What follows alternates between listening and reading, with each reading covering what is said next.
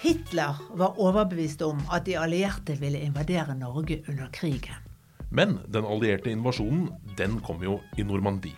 Ja, Hitler lot seg lure. Det er litt oppmuntrende å tenke på i disse tider. At krigerske herskere lar seg lure. Og hvis du trodde at nordmenn i middelalderen måtte ta til takke med grøt og velling, da må du tro om igjen.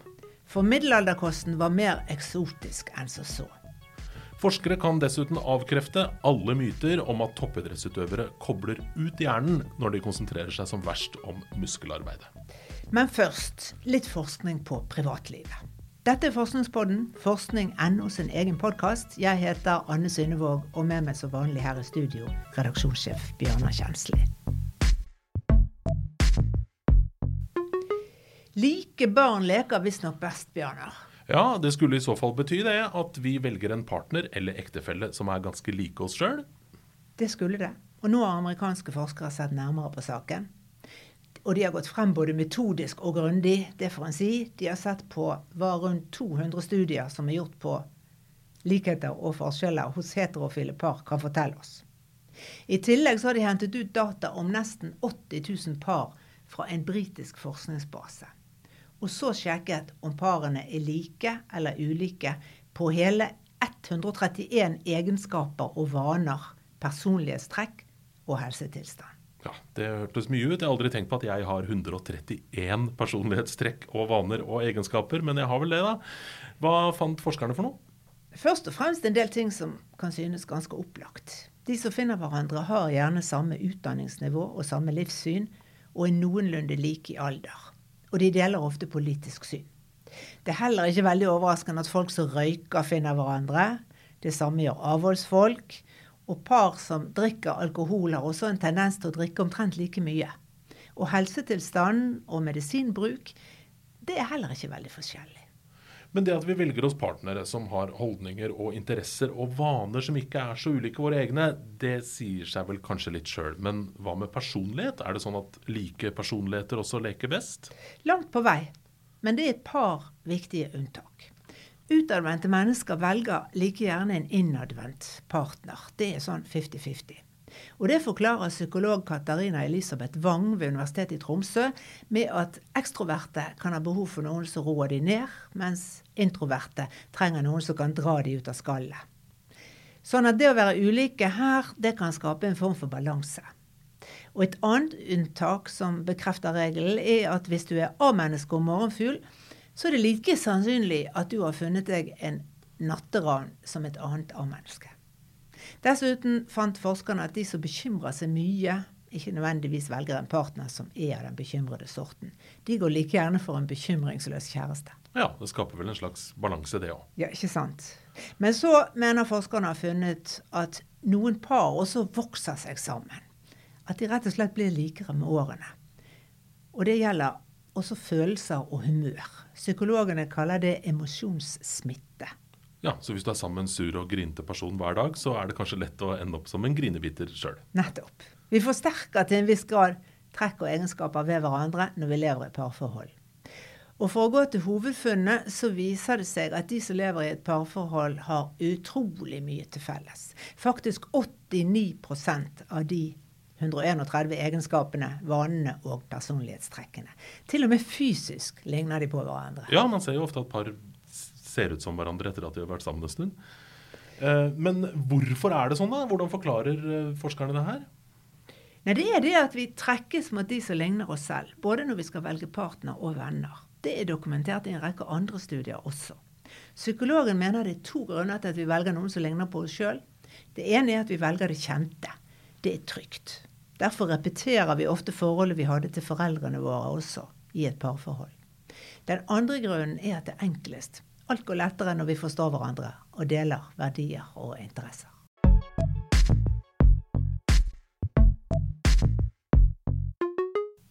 «1100 kanoner. Så mange kanoner plasserte Hitler langs kysten vår under krigen. Fordelt på 300 forsvarsverk. Og kanonene pekte selvfølgelig mot vest, mot Storbritannia. Ja, og Dette er Festung Norwegen. En gedigen operasjon. Det å bygge 300 fort med kanoner og bunkere og ammunisjonslagre krevde selvfølgelig enorme mengder av stål og betong, og tusenvis av arbeidere og krigsfanger. Og bunkerne og kanonstillingene de står der jo ennå, du finner de langs hele kysten. På Møvik utenfor Kristiansand fins et av de best bevarte fortene. En av kanonene her veier 370 tonn. Og for å bygge dette fortet med tre kanoner, som sto ferdig i 1942, arbeidet 1400 norske, danske og tyske arbeidere og 200 sovjetiske krigsfanger. Og dette var bare ett av disse 300. Tenk deg hvor ressurskrevende dette var. Ja, helt utrolig. Så spørsmålet er jo hvorfor? Hvorfor satte Hitler inn så store ressurser på Festung Norwegen? Dette er et spørsmål som er mat for historikerne.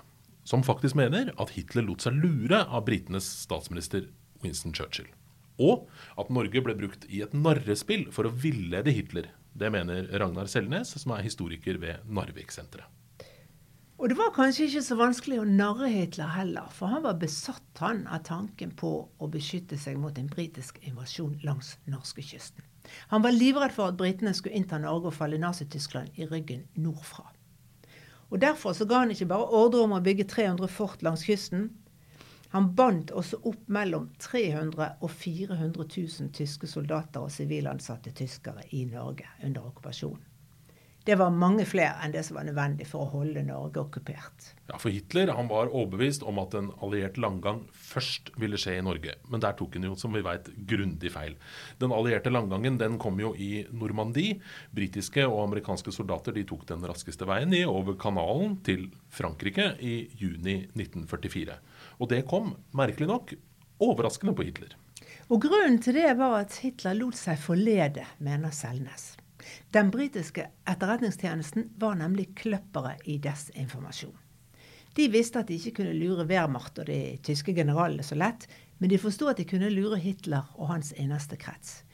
Og det gjorde de ved å plante falske meldinger som tyske spioner i England sendte videre til Berlin, der det het at de allierte forberedte en invasjon av Norge. Akkurat som Hitler trodde.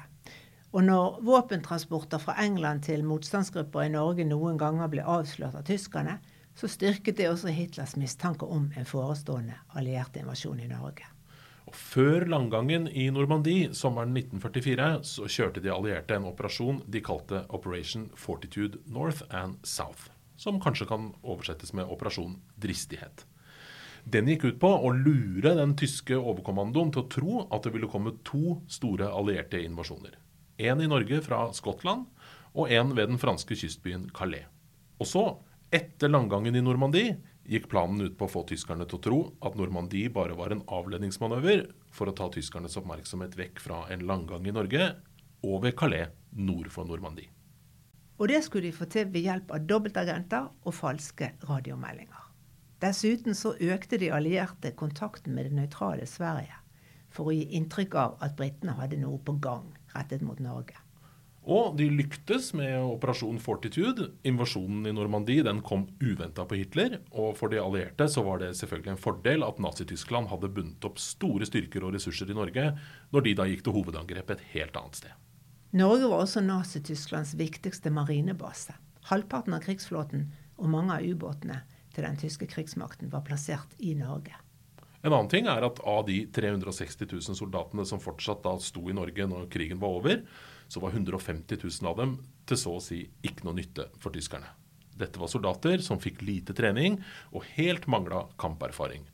Det hadde ikke nytta stort å sende dem til Normandie heller, men Ragnar Selnes, eller til østfronten for den del. De var altfor utrente etter det lange oppholdet i det relativt fredelige, okkuperte Norge.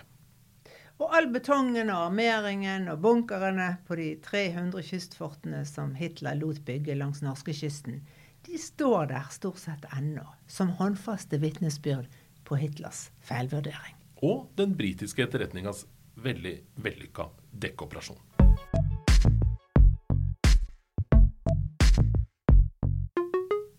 Jeg har en forestilling om at maten før i tiden, i riktig gamle dager, var litt ensformig. De spiste vel graut og velling. Og de hadde jo ikke fryser, så de saltet skinken, og de tørket torsken. Og de fermenterte rotgrønnsaker til vinteren. Greit nok, men litt kjedelig. Ja, De hadde jo heller ikke kaffe. Det var ikke før på 1800-tallet at kaffeimporten til Norge skjøt fart. Og sjokoladen den ble jo først oppfunnet i Tyskland i 1828. Og norsk tradisjonsmat, sånn som fårikål og lutefisk og lapskaus, er smaksatt med salt og pepper. Ikke noe mer. Ikke en eneste urt eller et annet krydder. Godt, jo da, men ikke veldig spennende. Nei, men så viser det seg da at nordmenn ikke alltid har spist lutefisk og fårikål. Denne tradisjonsmaten den kom nemlig først på 1500-tallet. Men i 400 år før det, helt fra 1100-tallet, kan arkeologene avsløre at folk brukte masse krydder i maten. F.eks. safran og nellik, muskat, kardemomme, ingefær og kanel. Alt sammen importert. For etter vikingtiden, når Norge var kristnet og byene vokste frem, da tar handel seg veldig opp. Og det kommer ny mat med skip til Norge. Og En viktig grunn til at de eksotiske krydderne kommer til Europa og så videre til Norge, er korstogene på 1100- og 1200-tallet.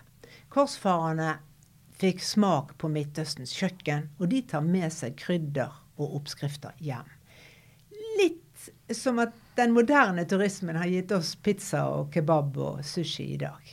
Så middelaldermaten den hadde mange flere spennende smaker enn tradisjonsmaten som kom seinere, sier historikeren Carl Christian Alvestad ved Universitetet i Sørøst-Norge.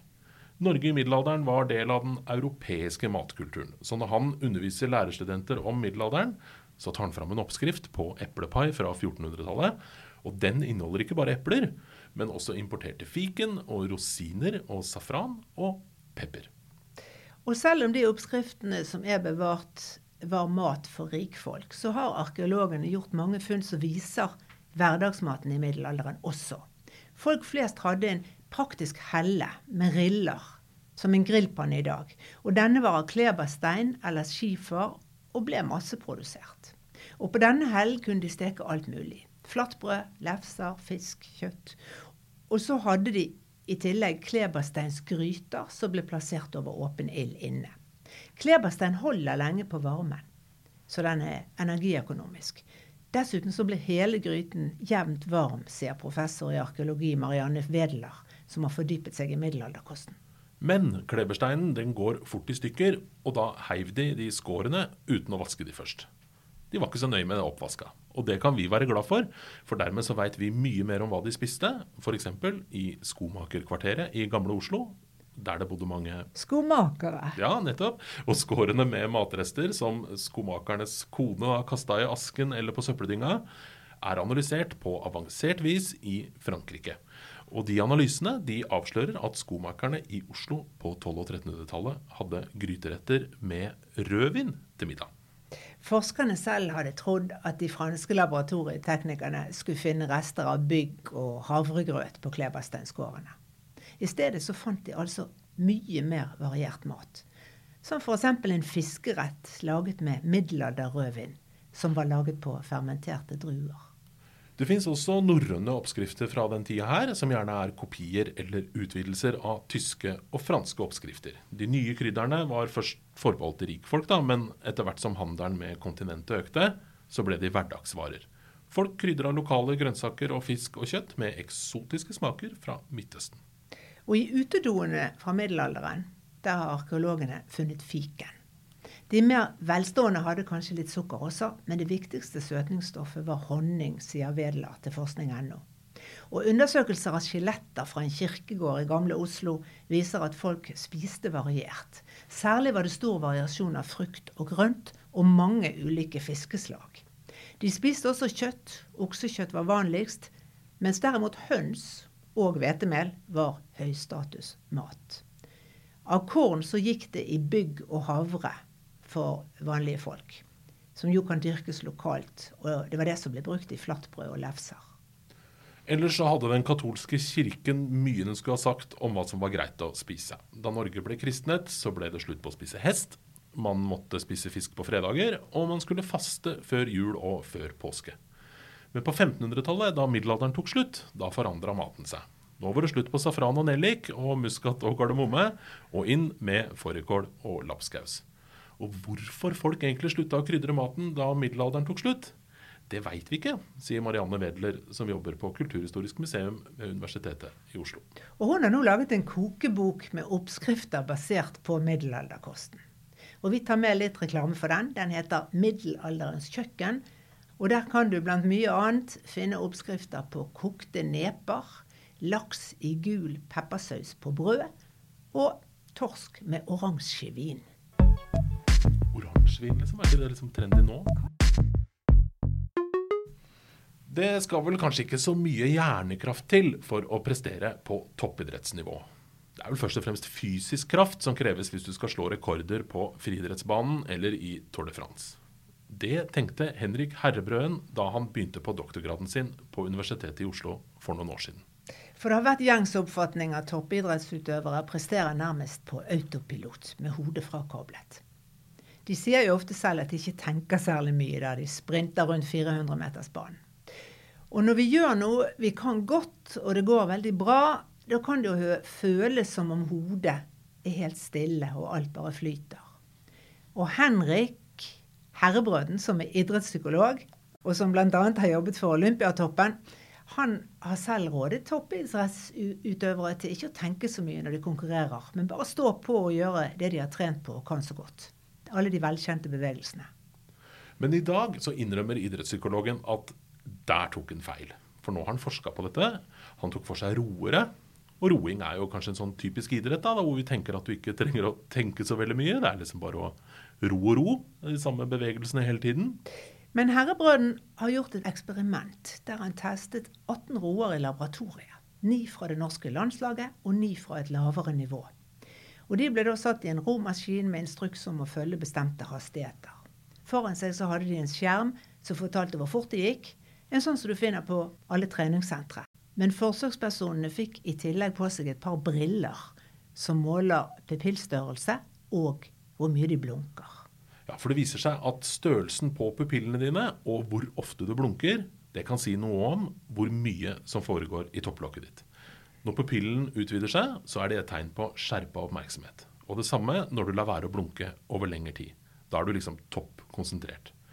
Til vanlig blunker vi hvert tredje sekund, men alpinisten Aksel Lund Svindal han kunne kjøre i to minutter i strek, helt til bånn av bakken, uten å blunke en eneste gang. Det ble dokumentert i filmen 'Blink of an Eye' i 2013. Og så viste disse øyemålingene av roerne i verdensklasse at de ser ut til å bruke intensiv oppmerksomhet minst like mye som roende på et lavere nivå gjør. Det er altså ingenting som går på autopilot her. Du skal bruke hjernen for å prestere. Og da herrebrøden ga roerne i oppgave å løse matteoppgaver mens de rodde. De fikk da regneoppgaver over høyttaleren av typen hvor mye 36 pluss 17 eller 15 ganger 16. Da økte pupillen i størrelse, mens farten ble mer variabel og taklengden på romaskinen kortere. Så hoderegningen gikk altså utover idrettsprestasjonen. Hjernen må nedprioritere god roing for å frigjøre kapasitet til mattestykkene sier Herrebrønn. Roerne de blunka også mer når de måtte regne i hodet. Men når de bare rodde, da kunne de ro i opptil tre minutter uten å blunke. Og Det tolker forskerne som at de er maks oppmerksomme på roteknikk og fart. Men når de da samtidig skulle løse matteoppgaver, da blunka de oftere. Og en mulig forklaring på det, sier idrettspsykologen til forskning.no, det er at roerne da må stenge verden litt ute og konsentrere seg om det som skjer i hjernen. Og en måte å klare det på, det er å lukke øynene av og til. Altså blunke litt oftere. Så kom ikke her og si at toppidrettsutøvere ikke bruker hodet. Nå vet vi bedre. Forskningspodden den er laget for forskning.no. Jeg heter Bjørnar Kjensli. Og jeg Anne Synnevåg. Tusen takk for at du hører på.